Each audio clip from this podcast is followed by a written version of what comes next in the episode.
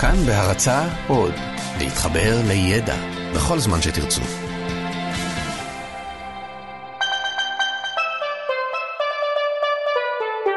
לא סופי, עם דוקטור אושי שוהם קראוס ויובל מלכי.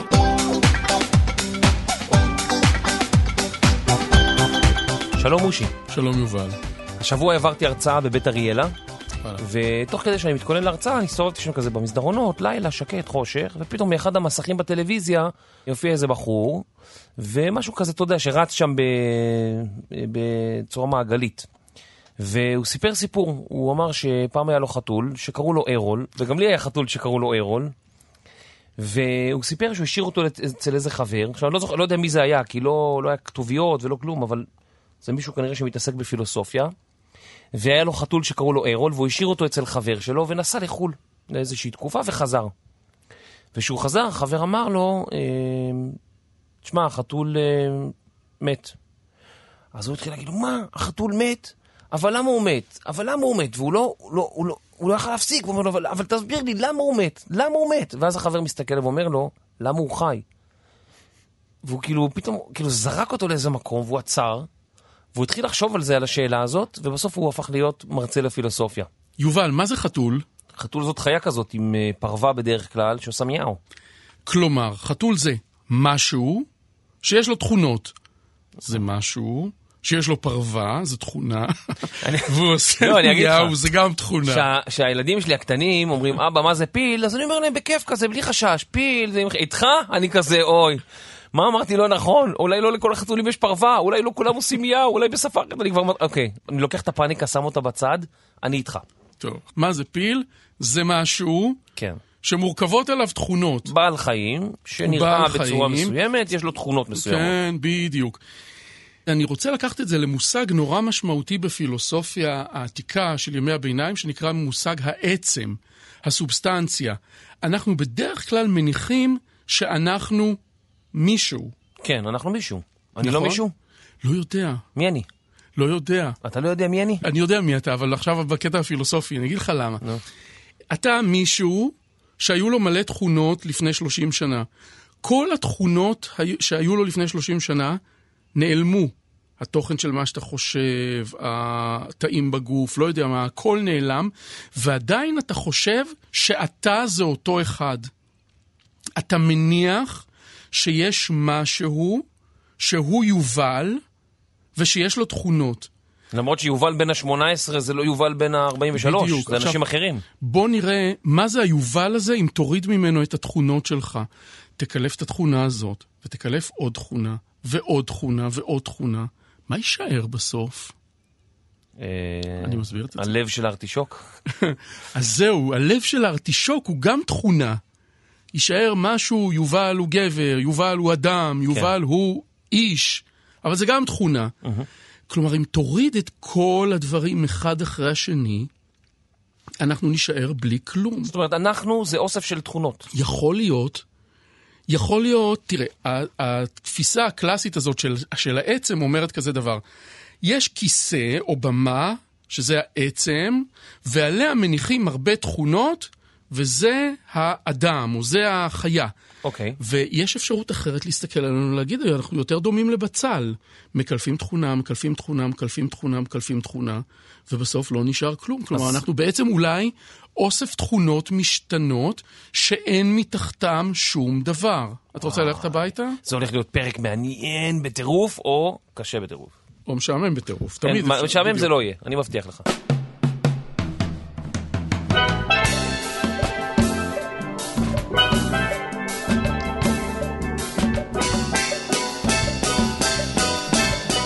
בואו נלך לדבר הזוי. בוא, תסתכל על הכיסא הזה פה. הכיסא ירוק. נכון.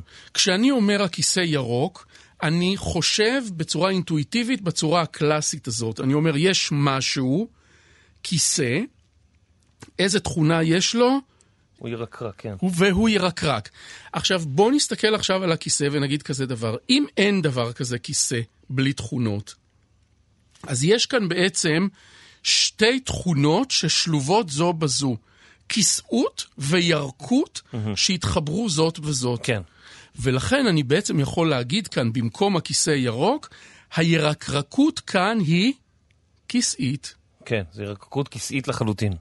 אה, עוד אף פעם לא אמר לי על הכיסא פה שהוא... זה לא כיסא.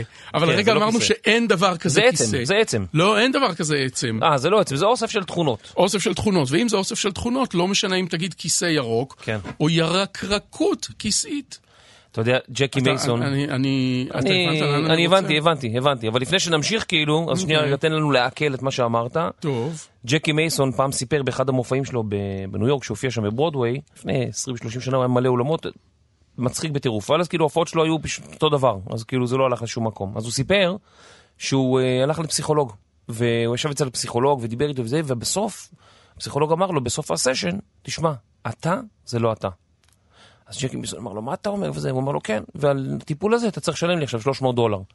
אז ג'קי מייסון אמר לי, אבל אולי אני זה לא אני. אולי כשהאני האמיתי יגיע, הוא לא ירצה לשלם לך 300 דולר. ומה אם נגלה שהאני האמיתי זה בכלל אתה, ואתה חייב לי 300 דולר? אתה יודע מה? תן 250, נסגור את הסיפור. יפה, איך אתה תמיד שולף את הבדיחות כאילו בול שמתאימות. לא יודע, אתה חושב שפעם ששמעתי את הבדיחה, חשבתי שיום אחד אני אשלוף אותה באיזה אולפן.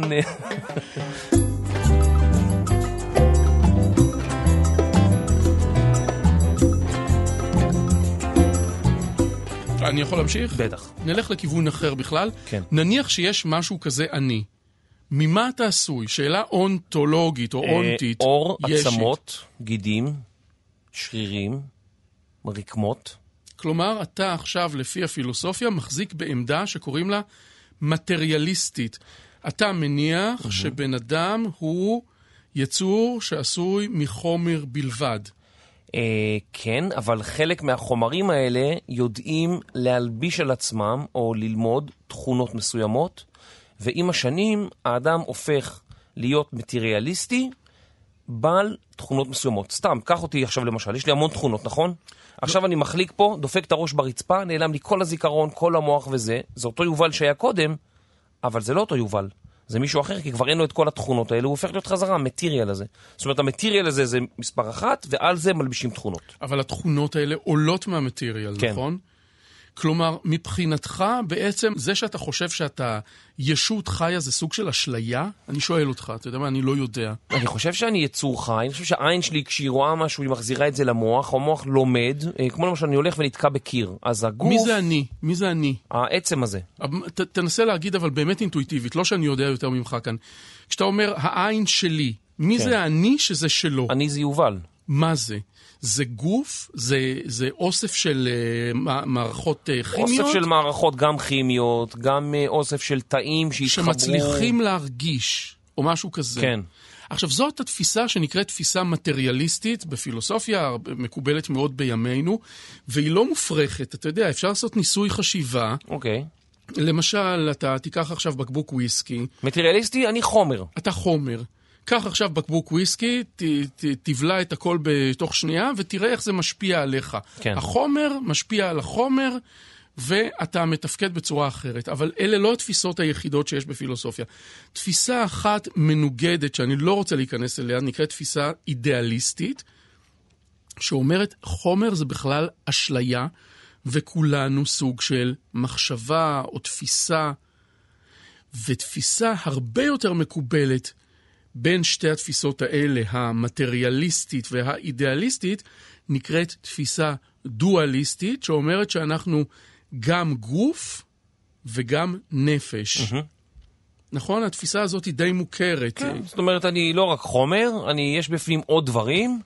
אה, פעם חבר שאל אותי, איך, תחשוב רגע, הוא אומר לי, תחשוב רגע, אל תיתן ישר תשובה, תחשוב על זה, איך הגעת, איך אתה נכנסת פנימה לתוכך. זה, זה, זה, זה, זה נורא מעניין. בפילוסופיה אפשר לקרוא לשאלה כזאת בעיה פסיכופיזית. בעיה פסיכופיזית היא בעיה כזאת.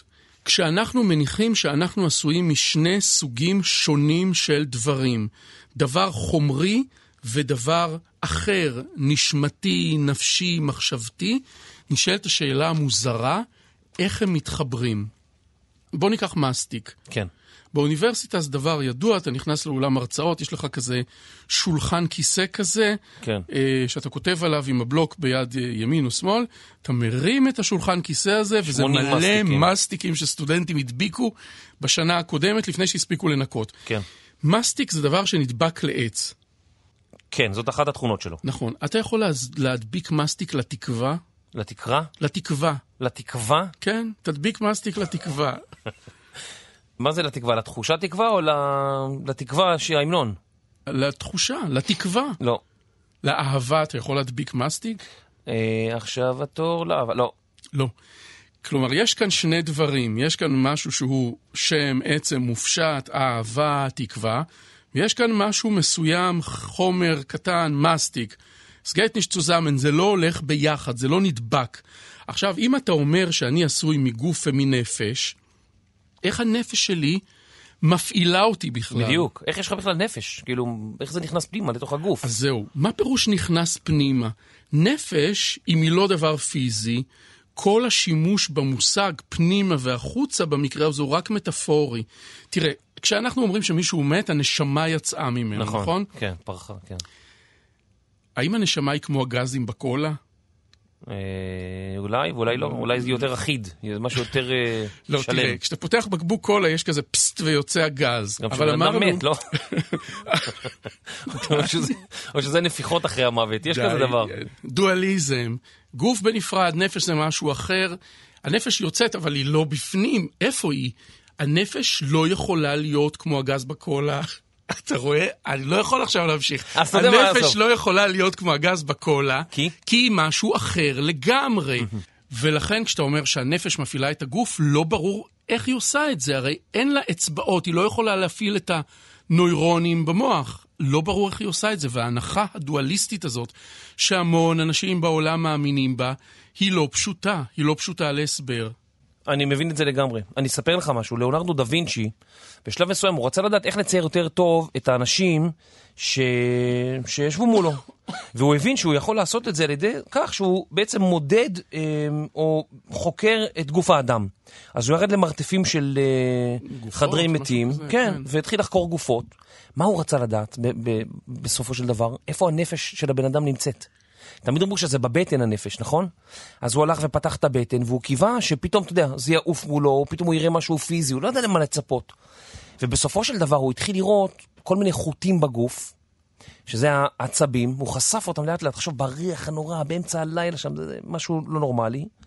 והוא התחיל להבין שכל החוטים הולכים למוח. והוא אמר, אם אי פעם לבן אדם יש נפש, היא לא פה בלב או בבטן, היא במוח, כי לשם מועברים כל הסנסורים. אבל היא לא יכולה להיות שם, זה משהו אחר. נכון, טוב, היום אנחנו יודעים, אבל באותה תקופה לפני 500-600 שנה, זה מה שהאיש כן, המדהים הזה חשב. אני מבין. בוא נלך הלאה. יאללה. אמ, שתי תפיסות בפילוסופיה אמ, שואל- או מנסות לענות על השאלה איך יודעים. תפיסה אחת, אמפיריציזם, אומרת שאנחנו יודעים במיוחד באמצעות היכרות חושית עם העולם. אוקיי, אני ככה אנחנו יודע- לומדים דברים. כן, אני רואה, אני נתקל בדברים פיזית, אני מריח וכולי. תפיסה אחרת נקראת תפיסה רציונליסטית, שאומרת שאנחנו קודם כל יודעים באמצעות השכל.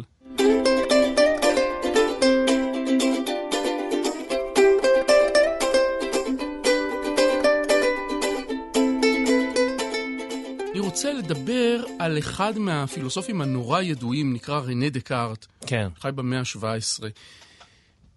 ורנה דקארט הוא האבא של הדואליזם, אחד מהאבות של הדואליזם שדיברנו עליו, וזה איש שיצר... ש- כשאתה אומר דואליזם, זה גוף מנפש כן. וגוף, שניהם דברים והוא- נפרדים. כן. בדיוק, והוא אחד מהפילוסופים הנורא ידועים שהעלה את העניין הזה של דואליזם, ואחת המסקנות המעניינות שלו הייתה שאנחנו, מי האני, הרי הנושא שלנו הוא מה זה, מה זה אני, זה שאנחנו יצור חושב במהות שלו.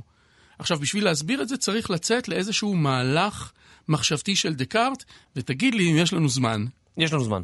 אז דקארט הזה מתחיל בזה שהוא רוצה לדעת איזה דברים ודאיים בחיים ובאיזה דברים אפשר להטיל ספק. אוקיי. תראה, הוא חי בתקופה מבלבלת. המון דברים הוא מספר שהוא יד... היה בטוח שהם מוחלטים וודאיים ובטוחים, התבררו אחר כך כשגויים. נגיד, אני סתם לא זורק עכשיו דוגמה, נגיד שטובי המורים שלו באוניברסיטה אמרו שהעולם שטוח, אני, ש, שהשמש מסתובבת אה, סביב כדור סביב הארץ. כדור הארץ, כן. ונגיד שפתאום הוא קרא את אה, קופרניקוס ואמר, וואי, זה הפוך, והוא לא ידע להחליט מה נכון. עכשיו, ערבבתי כאן זמנים, לא משנה, לצורך מביא הדוגמה. את הדוגמה. אה, ולדקארט יש שיטה, הוא אומר כזה דבר, בואו ננסה לקחת את כל מה שיש לי בשכל, את כל הידע שיש לי בשכל, ננסה להטיל ספק בכל הידע שלי. מה שנצליח להטיל בו ספק, יכול להיות שהוא אמיתי, יכול להיות שהוא שקרי, וננסה למצוא את הדבר שאי אפשר אף פעם להטיל בו ספק. דבר שלא נצליח להטיל בו ספק, אנחנו ננסה בכוח להטיל ספק. ספק קטן, ספק מטופש. כן. אם נצליח למצוא דבר שאי אפשר להטיל בו ספק, נדע שזה הדבר הוודאי. אוקיי, מה הוא מצא כזה? הוא מצא כזה. קודם כל הוא אומר, בואו נניח שהחושים אה, הם אלה שמביאים לנו את הדברים הוודאיים. אוקיי. מה שאני רואה, מה שאני אה, שומע.